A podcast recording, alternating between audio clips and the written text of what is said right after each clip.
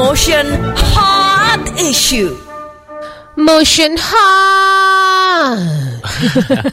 hot banget deh pokoknya kalau udah ada tulisannya hot issue Hot mah teman issue. motion. Kita membahas sesuatu yang lagi hot banget teman motion Yes. seperti biasa di motion hot issue dan kali ini mungkin sesuatu yang eh, agak nggak nyaman pembicaraannya tapi gue jamin ini banyak banget informasi yang bakal lo dapetin Yes. gitu ya.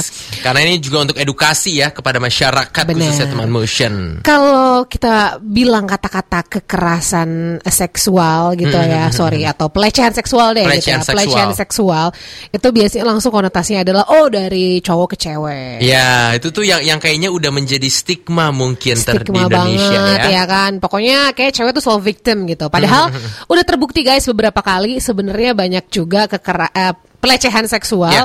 yang sebenarnya tidak dilakukan jadi hanya ambigu belaka gitu Oh, I see. jadi kan sebenarnya kalau cewek yang melakukan menjadi Ah, ah, ah. pelaku kadang-kadang orang menyebutnya nggak pelecehan seksual Enggak, enggak pelecehan seksual itu kayak seakan-akan ya quote unquote kayak dinormalisasikan nih gue gak tahu nih bahasa gue bener atau enggak nih ya. Iya, kayak kemarin tuh kan ada salah satu penyanyi ya depannya dia belakangnya A sebut saja dikta. Ya udah sama aja langsung aja ke situ ya. Kenapa dikasih inisial dulu? Iya di kita kemarin habis konser kayaknya, terus kena mungkin kena pelecehan seksual di situ. Nah, kita tuh belum tahu sebenarnya karena dia juga belum ngasih eh, Klarifikasi. klarifikasi. Tapi dari gestur Dari- badannya iya, iya, iya, kasihan juga ya. Benar, makanya nih teman motion dan ternyata memang bisa terjadi pelecehan seksual pada laki-laki. Laki-laki ataupun perempuan kalau Ya. misalnya dilecehkan sama aja Sama ya. aja, yes. Nah, hari ini kita bakal membahas isu yang hot isu ini ya.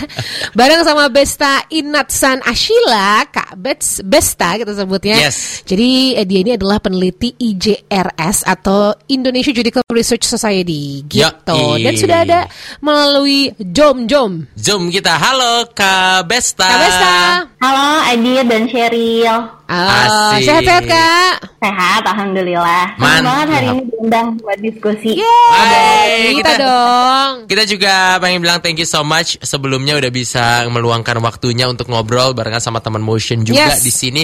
Kak Besta kemarin udah sempat lihat belum tuh satu video yang viral dari musisi ternama tanah air Mas Dikta yang kayaknya dia tuh kesakitan gitu ya. Belum ada klarifikasi apakah memang benar pelecehan seksual dan lain-lain tapi untuk pertama tanggapanmu gimana? Eh, Tentu aku eh, lihat ya videonya Karena lumayan cukup viral gitu kan di media sosial Tapi eh, aku sebenarnya nggak heran ya Dengan eh, respon dari masyarakat kita yang cenderung untuk Anggap itu tuh hal yang bercanda Kemudian juga memang selama ini kasus-kasus pelecehan seksual itu kan cenderung diabaikan Dan eh, memang kurang ditanggapi ya secara serius Yes. gitu Memang eh, berdasarkan studi eh, terkait dengan kasus-kasus pelecehan seksual terhadap laki-laki itu sering kali eh, dia underreported, underrecognized dan undertreated gitu. Jadi kurang dilaporkan, kurang diakui dan juga eh, kurang ditangani gitu.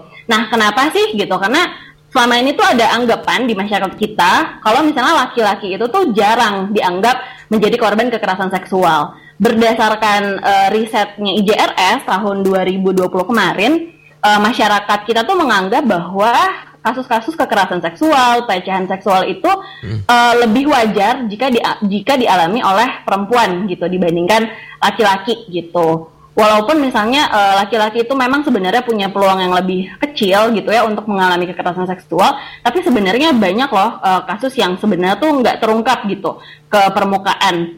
Eh, berdasarkan eh, surveinya IJRS eh, juga tahun 2020 kemarin kita menemukan ada 33% laki-laki yang menjadi korban eh, kekerasan seksual gitu. Jadi eh, berdasarkan data-data lain juga eh, menyebutkan hal yang sama gitu. Jadi sebenarnya kalau ngelihat data walaupun meskipun kita tuh sering kali abai dan sering kali ini menjadi bahan bercandaan, tapi sebenarnya ada loh laki-laki yang mereka tuh jadi korban kekerasan itu ada gitu dan memang sebagian besar itu nggak terdokumentasi gitu ya dan sehingga kenapa sih masyarakat itu eh, cukup cukup apa ya namanya eh, kurang aware gitu ya eh, dengan kasus-kasus ketika laki-laki itu menjadi eh, korban pelecehan seksual. Karena sebenarnya data-data kekerasan seksual terhadap laki-laki itu juga kurang bunyi ya dibandingkan Iya, data-data iya. kasus kekerasan seksual terhadap perempuan gitu. Jadi eh, sehingga kita tuh menganggap bahwa topik-topik kasus kekerasan seksual terhadap laki-laki itu merupakan topik yang mungkin sulit diterima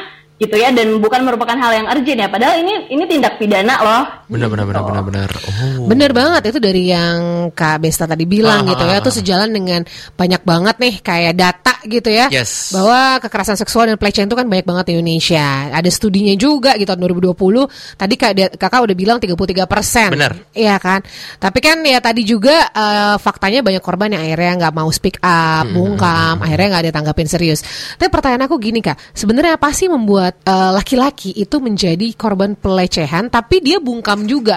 Apa mungkin karena, aduh jadi malu atau Iya kayak iya gimana iya. ya? iya. Iya, jadi memang eh, berdasarkan beberapa ahli biasanya tong, tingkat pelaporan di kalangan laki-laki itu lebih rendah dibandingkan tingkat pelaporan di kasus-kasus perempuan gitu.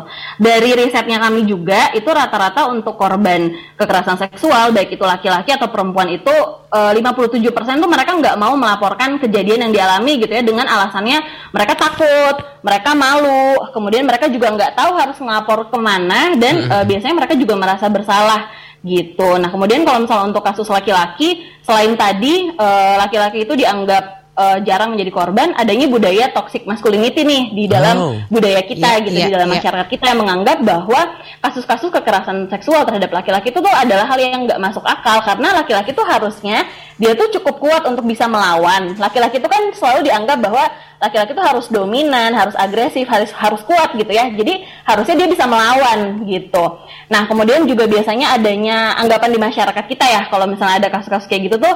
eh, korban tuh ditanya ditanyanya tuh di komennya seperti ini misalnya kenapa kamu nggak kabur atau misalnya kenapa kamu nggak bereaksi atau melawan jangan-jangan kamu juga sebenarnya menikmati gitu jadi Oh, eh, oke. kalau anggapan di masyarakat itu laki-laki tuh harus bisa membela diri gitu ketika menjadi korban eh apa namanya apalagi kalau misalnya pelakunya itu adalah sesama laki-laki ya gitu jadi Hmm. korbannya laki-laki pelakunya laki-laki Oke. itu biasanya akan me- akan dipertanyakan gitu maskulinitasnya dan juga orientasi seksual gitu. Iya. Selain itu juga laki-laki itu ketika jadi korban itu mereka biasanya lebih merasa tidak berharga dan mereka merasa kehilangan maskulinitasnya atau kejantanannya ya karena mereka nganggap bahwa mereka aja tuh nggak bisa melindungi dirinya sendiri apalagi mereka melindungi komunitasnya gitu. Oh, I see. Betul Berarti tuh, toxic mas- masculinity ya. ya. Berarti emang benar memang ini udah semacam image yang terbentuk dari dulu juga kali ya Kak Besta ya. Iya benar. Ini penasaran gitu ya. Hari ini kita ngebahas uh, lebih menjurus kepada pelecehan seksual untuk laki-laki. Ya. Sebenarnya tuh ada lembaga atau wadah khusus nggak sih? Mungkin kalau perempuan kan kita tahu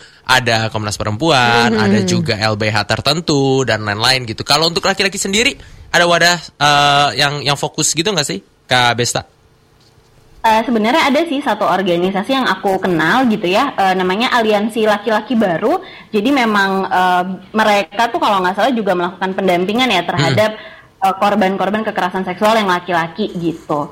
Jadi tapi kalau sebenarnya juga teman-teman laki-laki yang jadi korban juga bisa ngelapor juga ke lembaga bantuan hukum ya, eh, Oke. yang terdekat gitu. Jadi Oh, sebenarnya tetap sama walaupun nggak ada kayak apa lembaga yang spesifik gitu ya. Tapi kalau oke lah karena aku sebagai perempuan aku mungkin paham kira-kira dampaknya kalau terjadi kekerasan seksual gitu ya. Tapi kalau terhadap laki-laki menurut data apa kak dampaknya? Eh, jadi berdasarkan eh, studi sebenarnya eh, ketika laki-laki menjadi korban kekerasan seksual termasuk juga pelecehan seksual sebenarnya reaksinya atau dampaknya itu sebenarnya hampir sama ya dengan yang dialami oleh perempuan gitu. Misalnya adanya trauma kemudian depresi adanya rasa bersalah adanya perasaan eh, menyalahkan diri sendiri, kemudian disfungsi seksual dan juga eh, bahkan hingga adanya keinginan untuk bunuh diri gitu. Selain itu juga kalau misalnya laki-laki menjadi korban kekerasan seksual ataupun pelecehan seksual, itu biasanya ada eh, perasaan tidak berdaya, kemudian tadi citra diri yang rusak ya karena eh, maskulinitasnya tuh eh, apa dianggapnya udah udah terganggu lah gitu dan juga tadi berdasarkan eh, aliansi laki-laki baru itu biasanya korban-korban laki-laki itu mereka mengalami eh, gangguan emosi gitu ya dan juga mereka biasa cenderung untuk lebih tertutup ya gitu terhadap Oh. eh, lingkungannya. Wow, berarti sebenarnya kalau untuk dampak uh, mirip-mirip ya antara perempuan dan juga laki-laki. Namanya juga sama-sama pelecehan Iya, seksual gitu teman betul. motion. Wow. Nah, kalau begitu eh, gimana nih kira-kira dengan adanya data ini ya kan penyelesaian kasus-kasus kekerasan seksual dan juga mungkin pelecehan seksual selama ini tuh gimana Kak dan sebenarnya apa sih yang harus dilakukan? Mungkin kalau ring one kita atau orang terdekat kita tuh akhirnya jadi korban. Ya. Nah, jadi memang eh, data yang kita punya itu berdasarkan studi kuantitatif barometer kesetaraan gender, itu memang mayoritas korban kekerasan seksual itu tidak mendapatkan penyelesaian kasus ya. Jadi 57% itu mereka nggak dapat penyelesaian kasus, kasusnya berhenti begitu aja gitu. Ya. Jadi ada kemudian ada 39% yang pelakunya itu membayar sejumlah uang dan 26% itu eh, korban yang perempuan itu menikah dengan pelaku gitu. Ada 19% itu yang akhirnya pelakunya itu dipenjara gitu. Tapi ya itu hanya 19% gitu. Jadi eh, apa namanya memang adanya anggapan gitu ya di dalam eh, aparat penegak hukum kita bahwa ketika misalnya pelaku itu membayar uang atau menikahi korban itu seakan-akan tuh persoalan Damai itu gitu Selesai ya. gitu ya. Tapi itu Betul. Jadi Mengejutkan Oke, sih. Sorry, lanjut Kak, sorry. Jadi eh, ya itu jadi memang eh, penanganan dan penyelesaian kasus itu belum memperhatikan eh, dampak bagi korbannya sendiri gitu. Bahkan ada beberapa kasus di mana aparat penegak hukum itu menyuruh untuk damai aja gitu karena nggak ada alat buktinya seperti itu.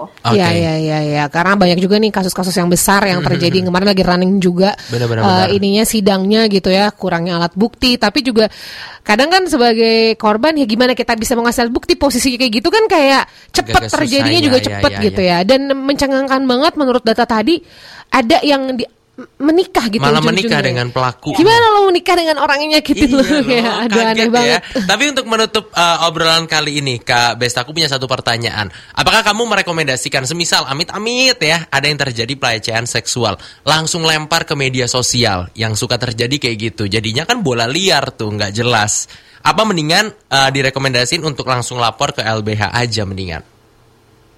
Nah, jadi memang beberapa kasus itu korbannya itu memutuskan untuk eh, apa namanya menyampaikan kasusnya itu ke sosial media ya jadi viral gitu kan. Nah, dengan keviralan itu jadi aparat penegak hukum tuh jadi cepet tanggap gitu kan sebenarnya tujuannya gitu. Tapi sayangnya eh, dengan kita membuka kasus di sosial media itu sebenarnya ada beberapa resiko ya. Yang pertama adalah kita bisa dikriminalisasi, jadi kita bisa dilaporin balik sama pelaku Iya. gitu. Jadi Oh, di iya, beberapa iya, iya. kasus itu kasus-kasus viral yang kami temukan itu justru malah pelakunya itu melaporkan balik gitu. pencemaran nama baik UU misalnya. ITE ya. Betul, betul. Jadi sebenarnya ya itu tadi lebih baik sebenarnya ke lembaga layanan ya karena mereka yang nanti yang akan uh, membantu kita uh, pendampingan ke kepolisian, melakukan pelaporan dan uh, mereka akan melakukan advokasi kasus gitu. Jadi biarkan uh, apa namanya dibantu sama teman-teman aja gitu karena tadi resiko-resiko kita menjadi tersangka juga gitu kan. Yes, yes, yes, yes. Wow,